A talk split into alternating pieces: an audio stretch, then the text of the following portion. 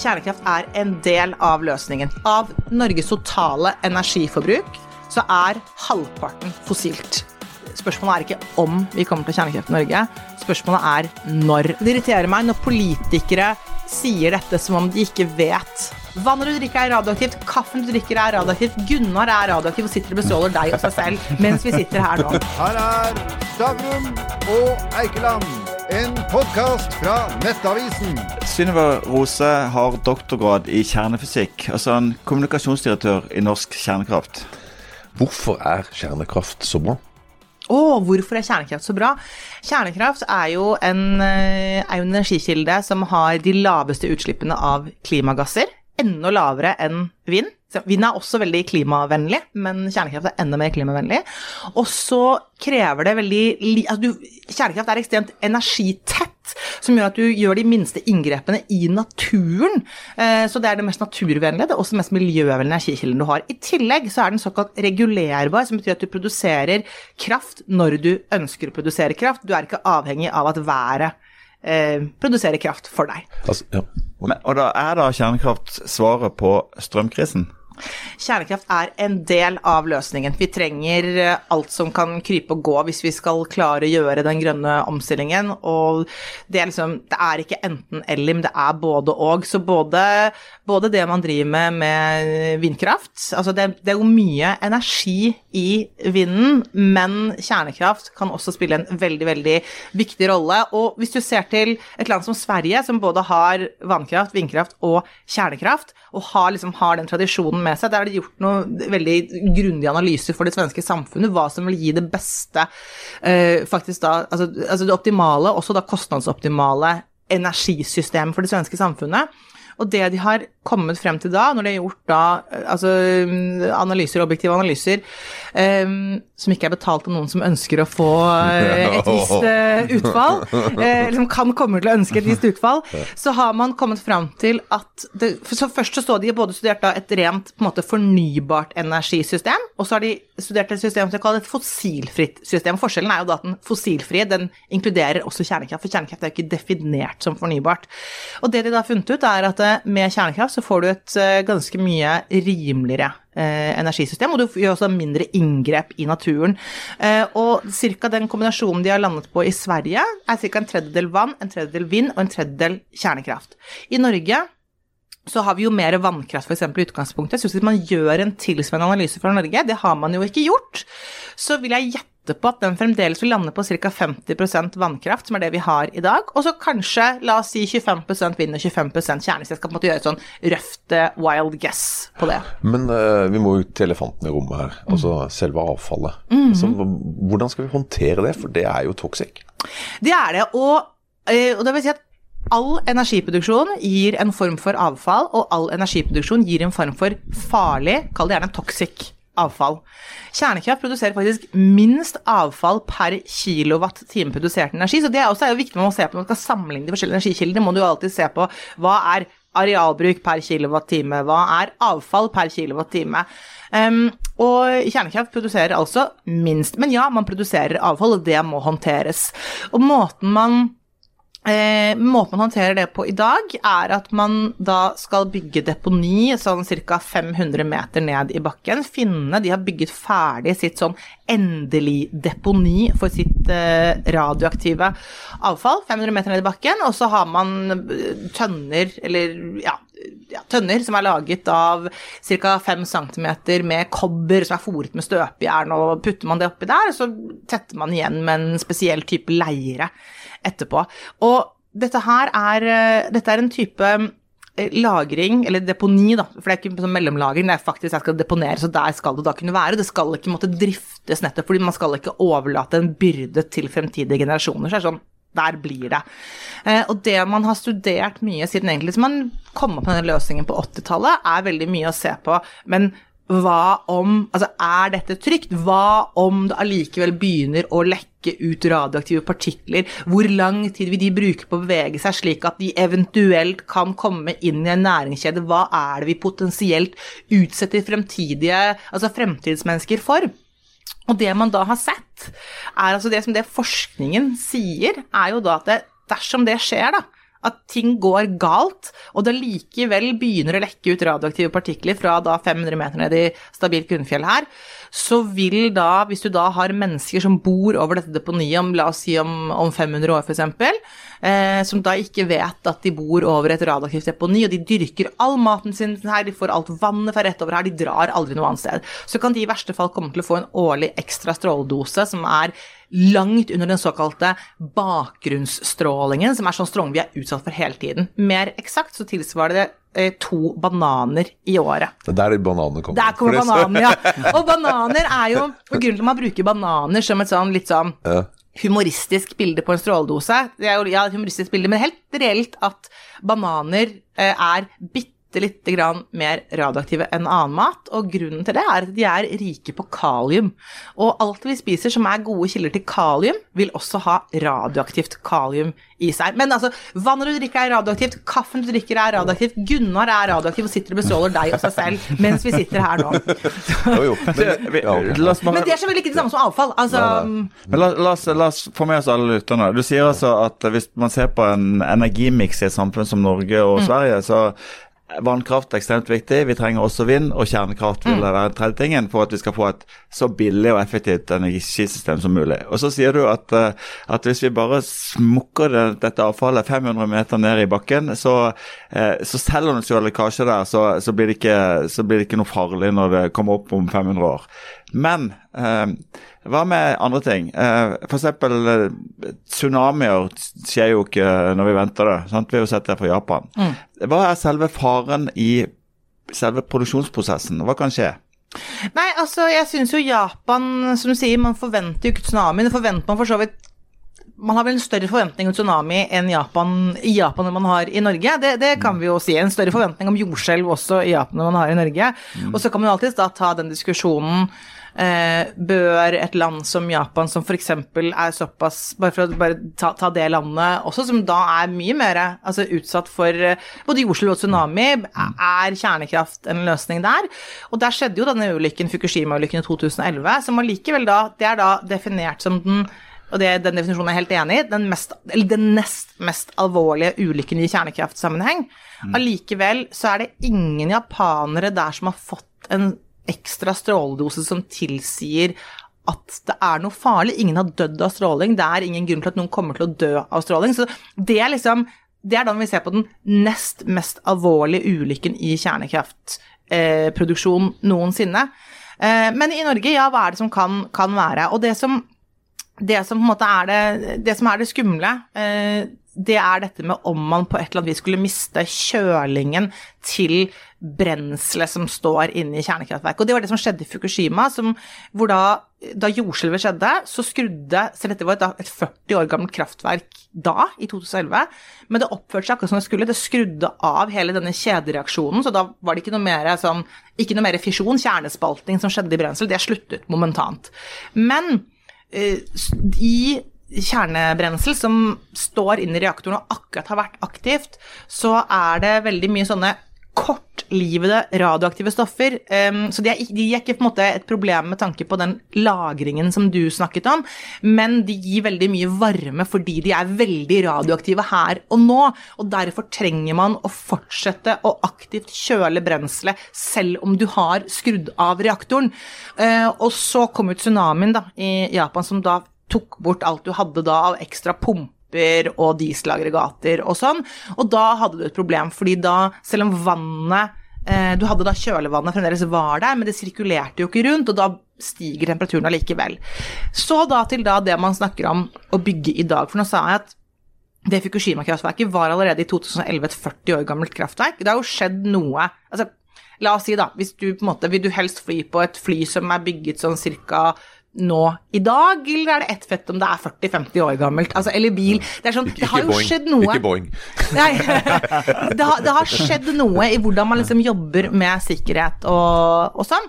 Og veldig mye av det man har jobbet videre, er nettopp det å gjøre, altså lage det vi kaller for passive sikkerhetssystemer, som betyr at man benytter seg av naturlovene, fysikkens lover, kjemiens lover, slik at f.eks.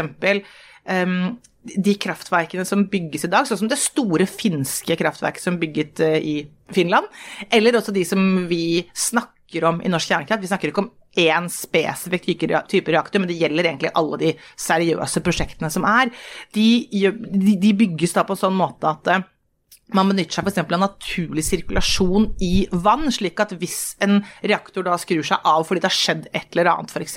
jordskjelv, hvis det er det, eller et eller annet annet, Eller krig, som eller Ukraina. krig, ikke sant? At vannet allikevel fortsetter å sirkulere da i hvert fall en uke, eh, som betyr da at eh, du har god tid på deg til å på en måte opprette det du trenger, det, altså om du da på et eller annet vis har mistet liksom strømtilgangen, fordi det kan, selvfølgelig ting kan skje. Og det som er interessant da, eh, hvis du ser på liksom dette med ja, hvor, hvor trygt eller farlig er de forskjellige energikildene, fordi hvis du ser på eh, et, et type mål på det er jo dødsfall per terawatt-time produsert energi. Eh, det er jo ingen energikilde som er så trygg som kjernekraft. Eh, EUs vitenskapspanel gjorde en veldig grundig analyse av alle energikilder med og kom med en rapport i 2021, for det var jo da den diskusjonen om kjernekraft skulle inn i EUs grønne taksonomi som en grønn og bærekraftig aktivitet. Og det de så på der, var jo da at de gjorde den hypotetiske øvelsen at de sa ok, hva om vi tar alle de ca. 440 kjernekraftverkene som finnes i verden i dag, og så erstatter vi alle de med sånn som det finske kraftverket, eller tilsvarende dagens teknologi. Altså hvis de gjorde det, så kan man forvente ett dødsfall pga. ulykke per 315. år. Altså tre døde på 1000 år. Det er det sikkerhetsnivået man har lagt seg på i dag. Men det vil aldri bli null, ikke sant? Det, det skjer ikke. Men så, så sånn som da, hvis du ser på disse små, eh, små kraftverkene de er måte, Det er jo samme teknologi som de store kraftverkene, men da vil det jo være også mindre på en måte potensielt farlig materiale samlet på ett sted og sånn, og så er det lettere å da eventuelt å tenke at man har f.eks. denne reaktoren delen, har den sånn delvis gravd ned i jorden, som også gjør det liksom Altså, den står liksom ikke høyt oppe på en altså Den er, ligger på en måte på, på en fornuftig måte. Så sånn som GI Tachi, for å bruke et eksempel, spesifikt eksempel, der er jo da hele, hele kraftverket med da ytre sikkerhetssone rundt, tilsvarer da en fotballstadion, altså type Ullevål stadion. På utsiden da av det gjerdet så ville du kunne hatt boligblokk, altså, altså bolig, bolighus. Vi nevnte Ukraina i sted. Mm. Uh, og de, hvis ikke tar feil, de går fortsatt i kjernekraftverkene der, gjør de ikke det? De har skutt både litt av og på. Jeg, jeg har ikke sjekket om de faktisk status er nå at de produserer strøm, men ja, de Men, men si hvis de gjør det, da. Ja. Altså, hvis det da hadde At russerne hadde gjort noe faenskap der. Mm. Uh, Hvor, altså, hvordan hadde vi i Norge opplevd det?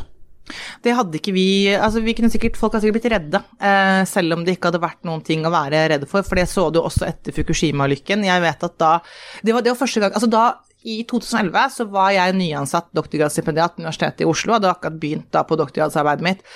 Og jeg visste jo at det var på en måte frykt rundt dette med radioaktivitet og kjernekraft og, og sånne ting, men det var første gang jeg virkelig begynte å se det. Eh, Sånn ordentlig. Eh, fordi sånn som jeg så det først, var det sånn når det skjedde en alvorlig uke, det er Japan, det spiller absolutt ingen rolle for oss her. Og så fikk jeg jo høre at også norske apoteker ble nedringt av mennesker som ønsket å kjøpe jodtabletter. Som er litt sånn ok, man har sett et eller annet, det er noe sånn eh, På TV eller film så har det vært noe om noe kjernekraft, og da er det jod, det, det må vi ha, liksom. Så det sier nå at folk var jo redde, og hvis det hadde skjedd noe i Ukraina, så ville du sikkert fått den samme Så det hadde jo merket. Folk hadde blitt redde. Men så er spørsmålet har vi noen grunn til å være redde, og der er svaret sånn som jeg har eh, Sånn som jeg både kan se det selv, men, min, altså, men også sånn som jeg hører det fra DSA, Direktoratet for strålevern og atomsikkerhet, at selv om de hadde gjort noe der, så ville de effektene vært lokale, og ikke noe som måte har noe å si for oss. Men da kan vi gå til den alvorligste ulykka. Tsjernobyl.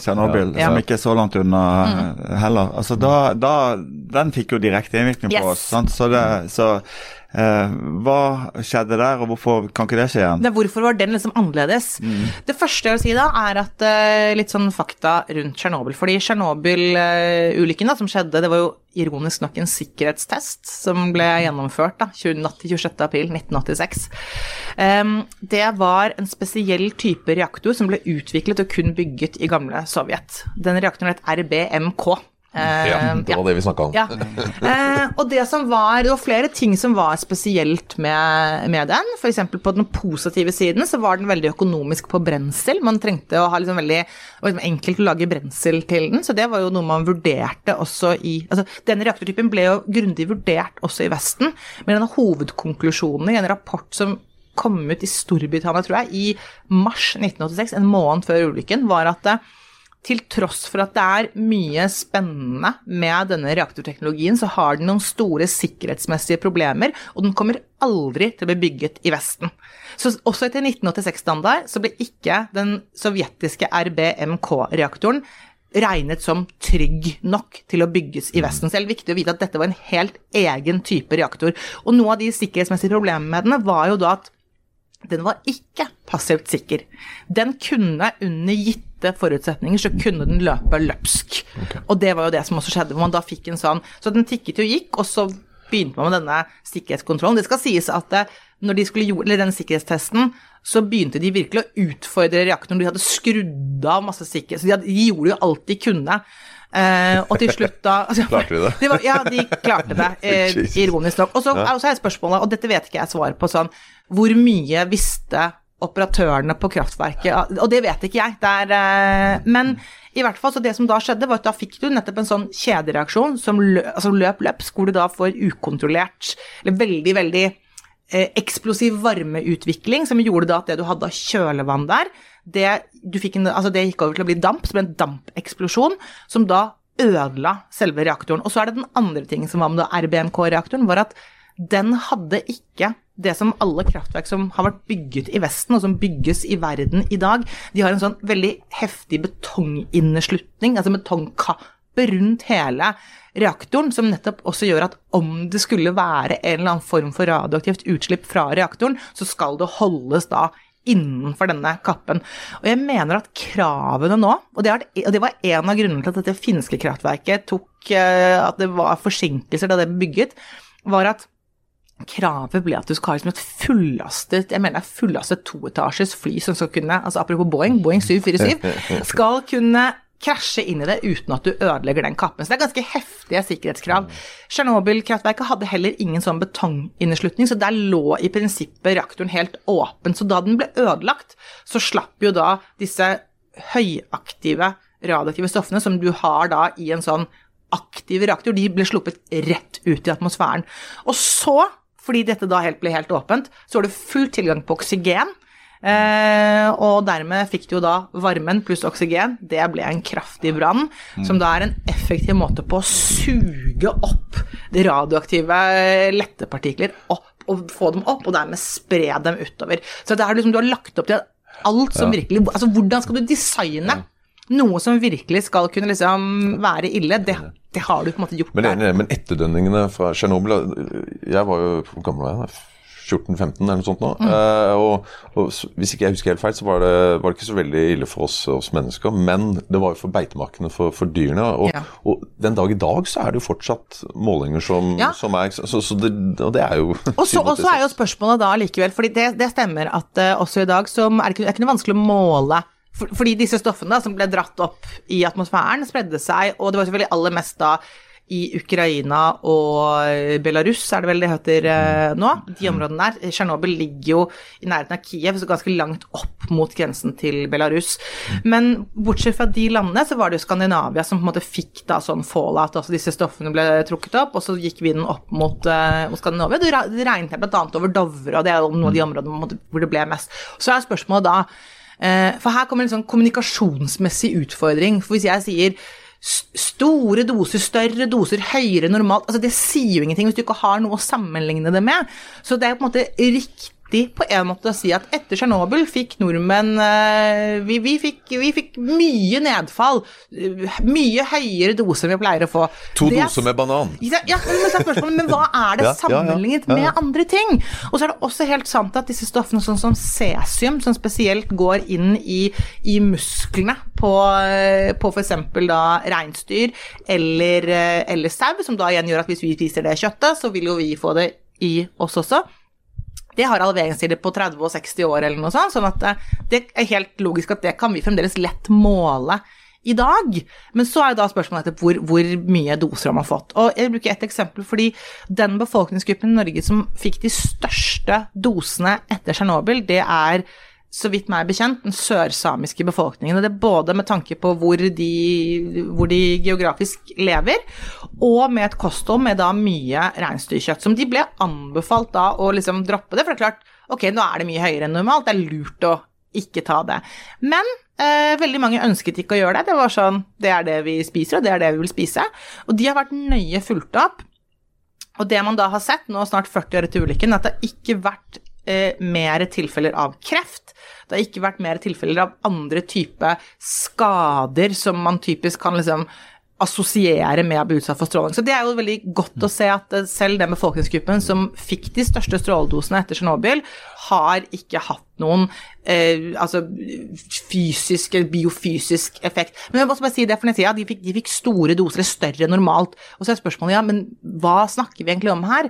Og det mener da at det de vel fikk sånn det første året etter Tsjernobyl, der hvor det var på det høyeste, så er det snakk om at de fikk vel en kanskje sånn 25-50% økning av den der såkalte bakgrunnsstrålingen, det som vi altså er utsatt for hele tiden. Så vi snakker ikke om at de har fått De er ikke store doser, sånn som de som jobbet på Tsjernobyl. De fikk den type stråledoser som gjør at du dør, ikke sant. Altså, det, det, er veldig, et kjempespenn. Det handler alltid om dose. Ja, men jeg hører at uh, miljømessig så er jo kjernekraft fantastisk. Men, mm. men, men uh, hvorfor er da miljøbevegelsen altså veldig, Store deler av den mm er jo imot dette. Tyskland uh, har jo stengt ned. Sant? Altså, hvorfor er det da så sterke krefter som ikke vil ha det? Ja, det er, det er, litt sånn spør du meg, så spør jeg deg. Jeg har jo selvfølgelig noen tanker rundt det. Og så skal du si at miljøbevegelsen også er mer sammensatt, og det er også generasjons, uh, altså en generasjonsforskjell her også. Hvis du ser på nå de yngre i miljøbevegelsen, så er det veldig mange flere som er for. Grønn ungdom er et eksempel på noen som har tatt et tydelig standpunkt for kjernekraft, hvor du faktisk nå er med og sier ja, vi holder gjerne på en måte innlegg for kjernekraft. Jeg ser liksom stadig flere. Så vil jeg være litt for jeg, jeg personlig nå vil på en måte ikke oute noen som jeg ser er på vei, fordi det, det er sånn som kan skje, for det er betent rundt det med kjernekraft. sånn at det, jeg tror ting må gå liksom, i det tempoet det må gå. Hvis folk ikke er klare for å stå og si selv at de på en måte er for, så, så må det ta litt tid. Men ja, hvorfor er de det? Jeg tror nok at det er mange ting her. Én ting tror jeg at eh, altså Kjernekraft har jo utgangspunkt, som forstått så mye annen teknologi, så har det utgangspunkt i noe militært og noe som var altså et masseødeleggelsesvåpen som vi på en måte aldri sett noe så grusomt som Hiroshima og Nagasaki. Og selv om det da har gitt oss en fantastisk da sivil kjernekraft etterpå, så tror jeg for mange så er det litt sånn at atombombe, kjernekraft, det er litt sånn samme skuffen. Det er noe sånn atomgreier uansett. Det tror jeg er én ting. Og det gjør det kanskje lettere også hvis du hvis du er et eller annet sted du ønsker å på en måte få folk negative til kjernekraft, tror jeg det ganske på mange, kunne være lett å gjøre det. For du kan trekke assosiasjoner til atombomber. Du kan snakke om dette liksom, ja, dette giftige avfallet eh, Så selv om også annen energiproduksjon gir også giftig avfall, andre typer giftig avfall, men som er like farlig å få inn i næringskjeden. Um, og så skal det også sies at hvis vi går tilbake i historien her, til liksom, hvem, hvem, er det egentlig som startet på en måte med liksom, å gjøre noe i forhold til dette? For å, er det noen som har hatt noen interesser av å liksom, få folk mot kjernekraft? Ja, det fins interesser som Eller det, det, det fins um, en fossilindustri som har sett kjernekraft som NO. en uh, nei, et, nei, det er ikke NHO jeg sitter og jeg, Absolutt. Er, jeg snakker ikke om NHO nå. Nå snakker jeg om amerikansk fossilindustri på 60-tallet, som har faktisk vært med å funde ganske mye av den, altså starten på den grønne bevegelsen i, uh, i USA. Hvorfor gjorde de det? Jo, for det er iallfall da sånn som de så det på 60-tallet det er én faktisk måte, trussel mot fossilt her, og det er kjernekraft. De kan være en reell trussel mot det fossile, sånn som de så det.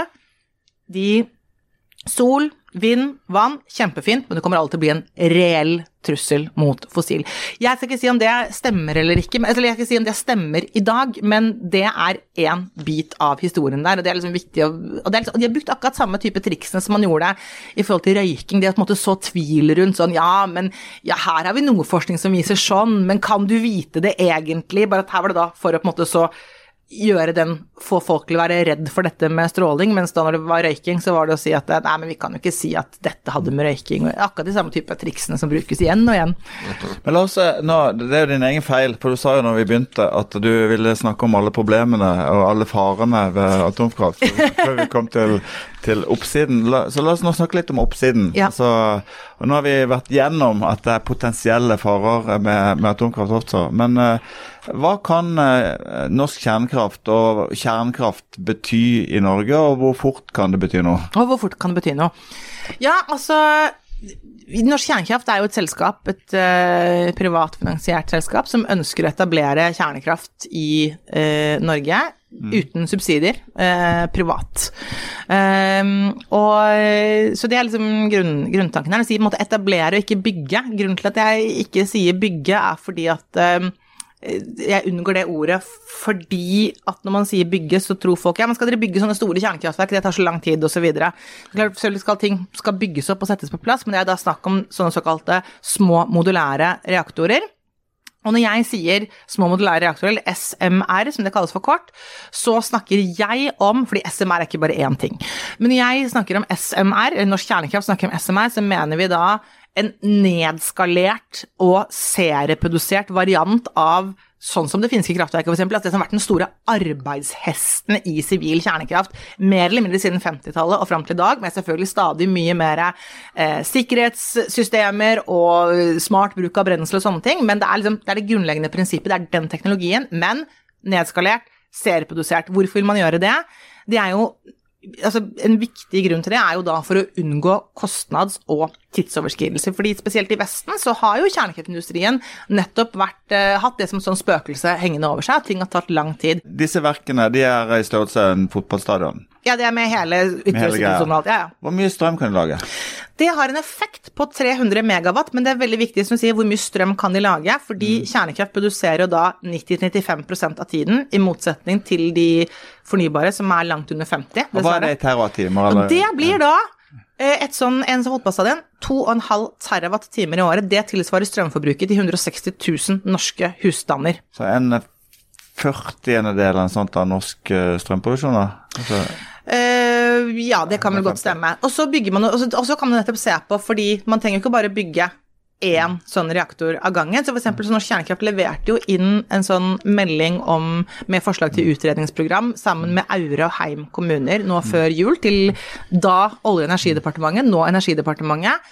Eh, og der ser vi jo på så Der er det en, eh, en tomt som de har, hvor det kan egne seg, hvor de trenger den type både strøm og den type varme som en kjernekraft også produserer. Det produserer jo overskuddsvarme som kan og bør utnyttes i tillegg.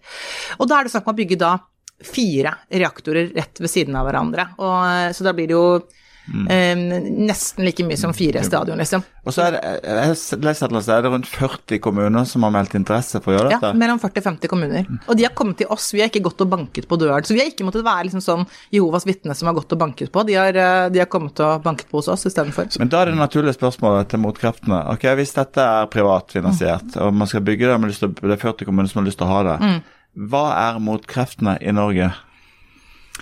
Ja, det er jo noe av den debatten vi har sett nå siden eh, slutten av november spesielt, da, med denne eh, Jeg har ikke egentlig lyst til å bruke masse tid på Rystad-rapporten, for den har blitt veldig grundig debattert mange steder, og også det er mange sider som har blitt debattert av folk som både kan mer om økonomi enn meg, det er professorer på NHH, andre som ja, kan mer om på en måte kraftsystemene osv.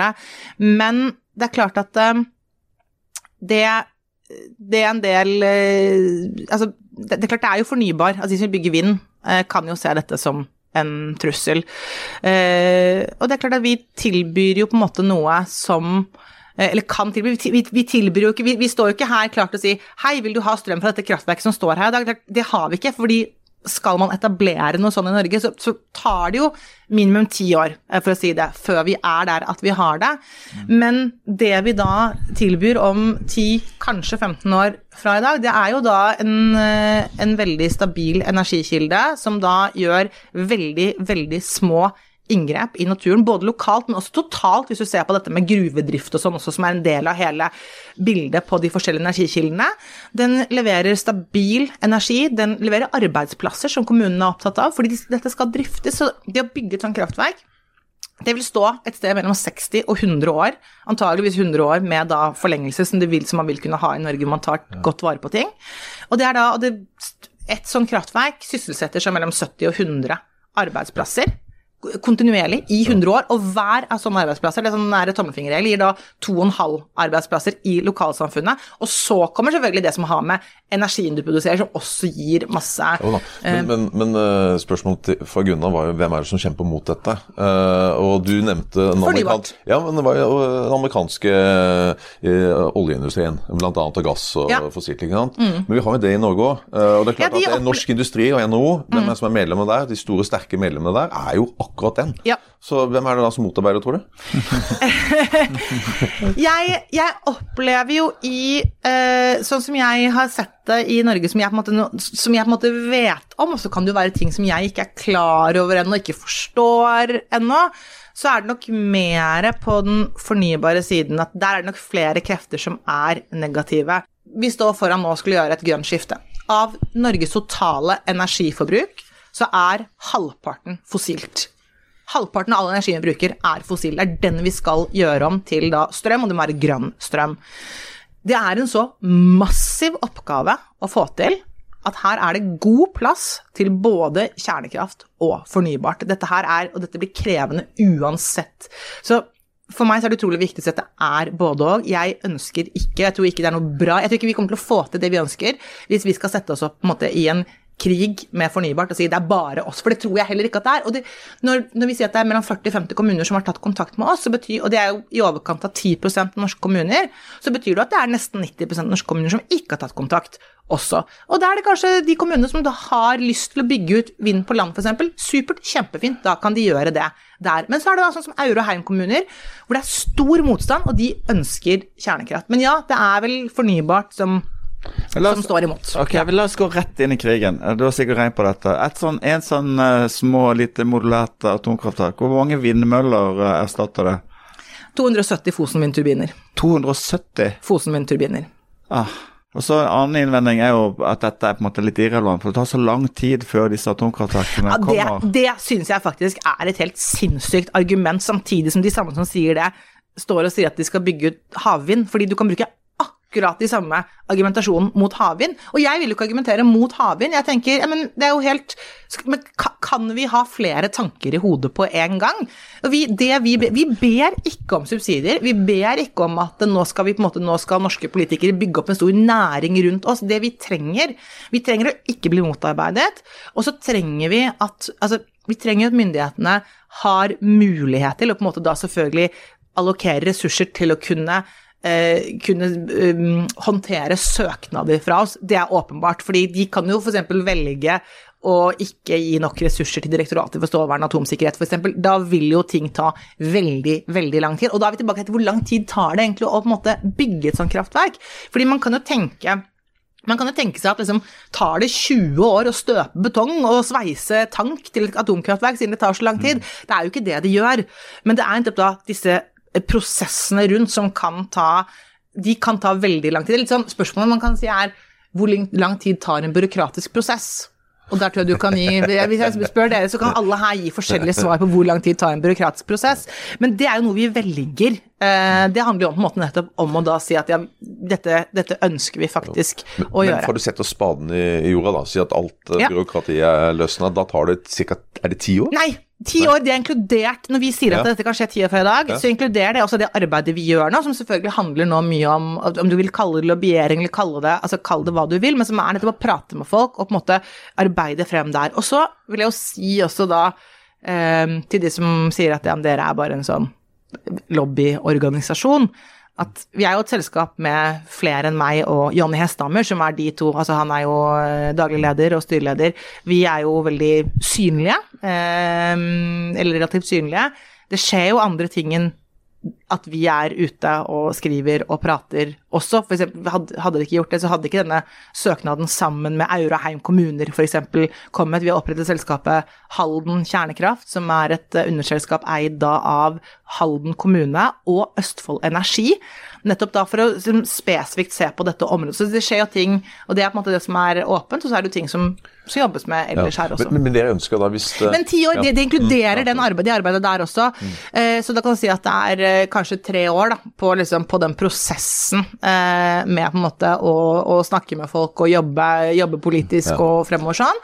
Og så kan du si en tre år på da å, å skrive da også, Eller konsesjonssøknad det er samtidig med de tre årene her, skal det, den på en måte behandles, en sånn konsesjonssøknad. Så vi sier tre år på det, og så fire år da på å få opp kraftverk, og da ender det opp på ti år. Og så kan man si kanskje det vil ta lengre tid med den prosessen med måte å prate og få aksept, da kan du slenge på fem år til da, hvis du på en måte skal ta mer. Og dette henger også helt sammen med det det internasjonale atomenergibyrået, IAEA, sier også at et land som ikke har kjernekraft fra før, vil bruke 10-15 år på da liksom å gå fra å ikke ha det til å faktisk få det. Men vi starter jo heller ikke på null i Norge fordi vi har eh, 60-70 år med disse forskningsreaktorene, som betyr at vi har mye mer av lover og regulativer og på en måte vant til å håndtere den type radioaktive stoffer, bare i mindre mengder, men vi har veldig mye på plass pga. det. Men hvis vi tar det du sa i starten med at i Sverige så har, de gjort en undersøkelse. Da var det en tredjedel var det ikke kjernekraft, vannkraft og vindkraft. var det? Mm.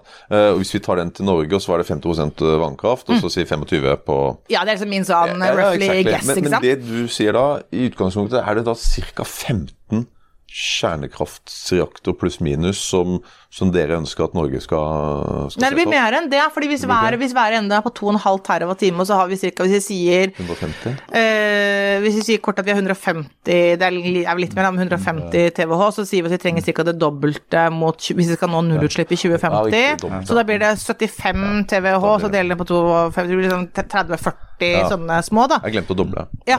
Glemte å doble. Men, fall, da, men da ender du opp med da eh, Altså, det, det jeg må si at hvis jeg man skal tenke langt fremover, og ting liksom går sånn som jeg håper at det skal gå, som er at vi lykkes og får til å bygge, så tenker jeg at det store bøygen er jo for Norge å bygge det, eller få på plass det første kjernekraftverket. Det er jo det som er liksom Det å komme fra null til én, og komme fra én til om det er 10 eller 40 eller hva nå enn, det tror jeg er en lettere jobb enn det. Og jeg tror at hvis vi først kommer dit, og, så, og når kjernekraft da kanskje La oss si om det er Euroheim, da, og da blir da et kraftverk med fire sånne små reaktorer der, f.eks., da har du allerede fire der, ehm, at da kanskje, muligens, da staten ville sett senere, da, inn i 2040-2045, sier de kanskje at eh, ja, nei, men kjernekraft er jo noe vi har i Norge, det er noe norske folk faktisk ønsker å ha, og det kan også være fornuftig å ha noen sånne store kraftverk. Dette vet jo ikke jeg noen ting om, selvfølgelig, men det å bygge de store kraftverkene, det er en statlig oppgave å gjøre. Men så jeg tenker jo, jeg må si at jeg ser for meg, så jeg skal, faktisk skal se for meg nullutslipp i 2050, så består den av ja, det er vind der hvor vind er ønsket, sikkert en del vind til havs. Supert. Altså når det produserer, så er jo det Produserer billig, det er eh, kjempefint. Men så har vi også noen sånne store kraftverk stående rundt omkring i Norge på fornuftige steder som er statlige, og så har vi aktører som f.eks. Norsk Kjernekraft, som da eh, eier noen sånne mindre kraftverk. Men du, selv om du er fysiker, så må vi jo også litt innom økonomi. For det er ikke nok med at de mener at det tar veldig lang tid før dette kommer, men de mener også at, at prisen på strømmen som produseres, kommer til å være veldig høy. Det irriterer meg faktisk. Og det irriterer meg når politikere sier dette som om de ikke vet at det er ikke produsentene på kraften som bestemmer hva prisen på kraften blir, det er det markedet som bestemmer.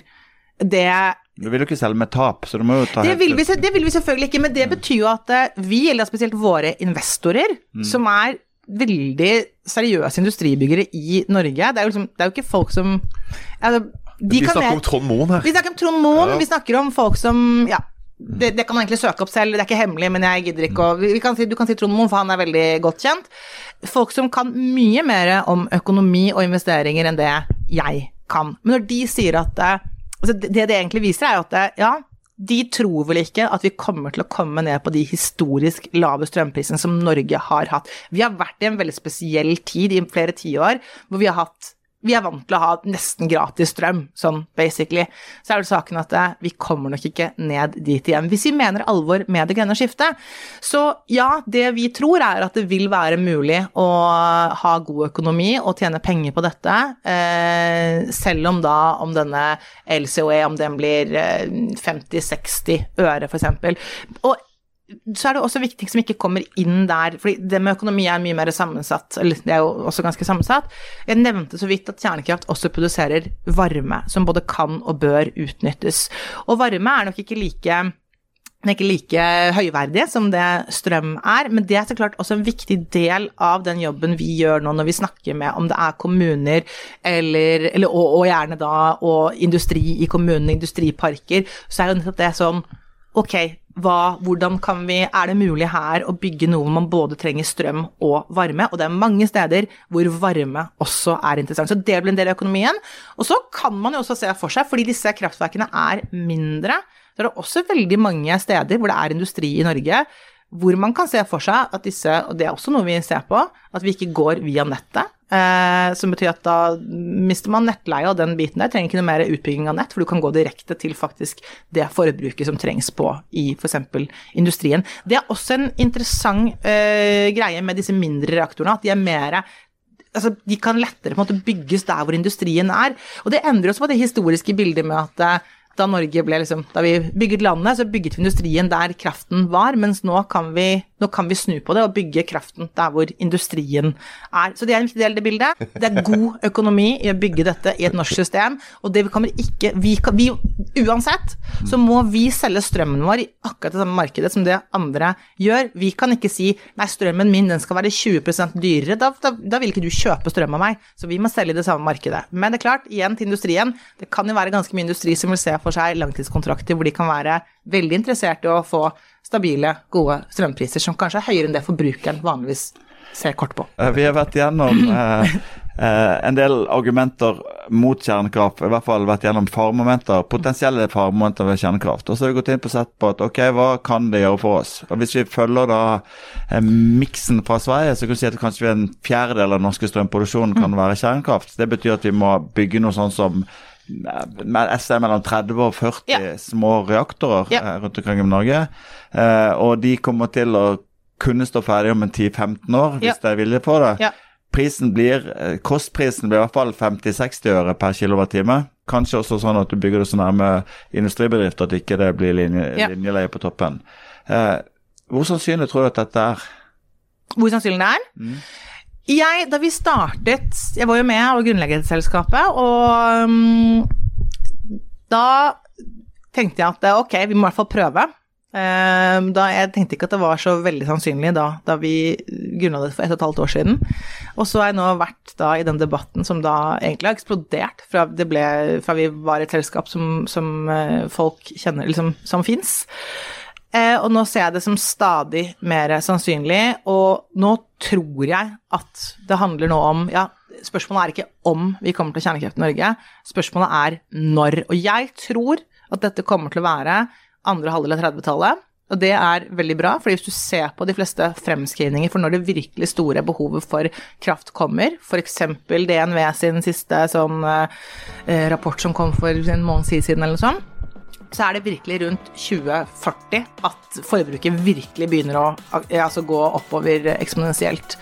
Eh, og da kan kjernekraft absolutt være med og bidra, og det, bidra, og det er det jeg tror. Du fikk Stavrum og Eikeland, en podkast fra Nettavisen.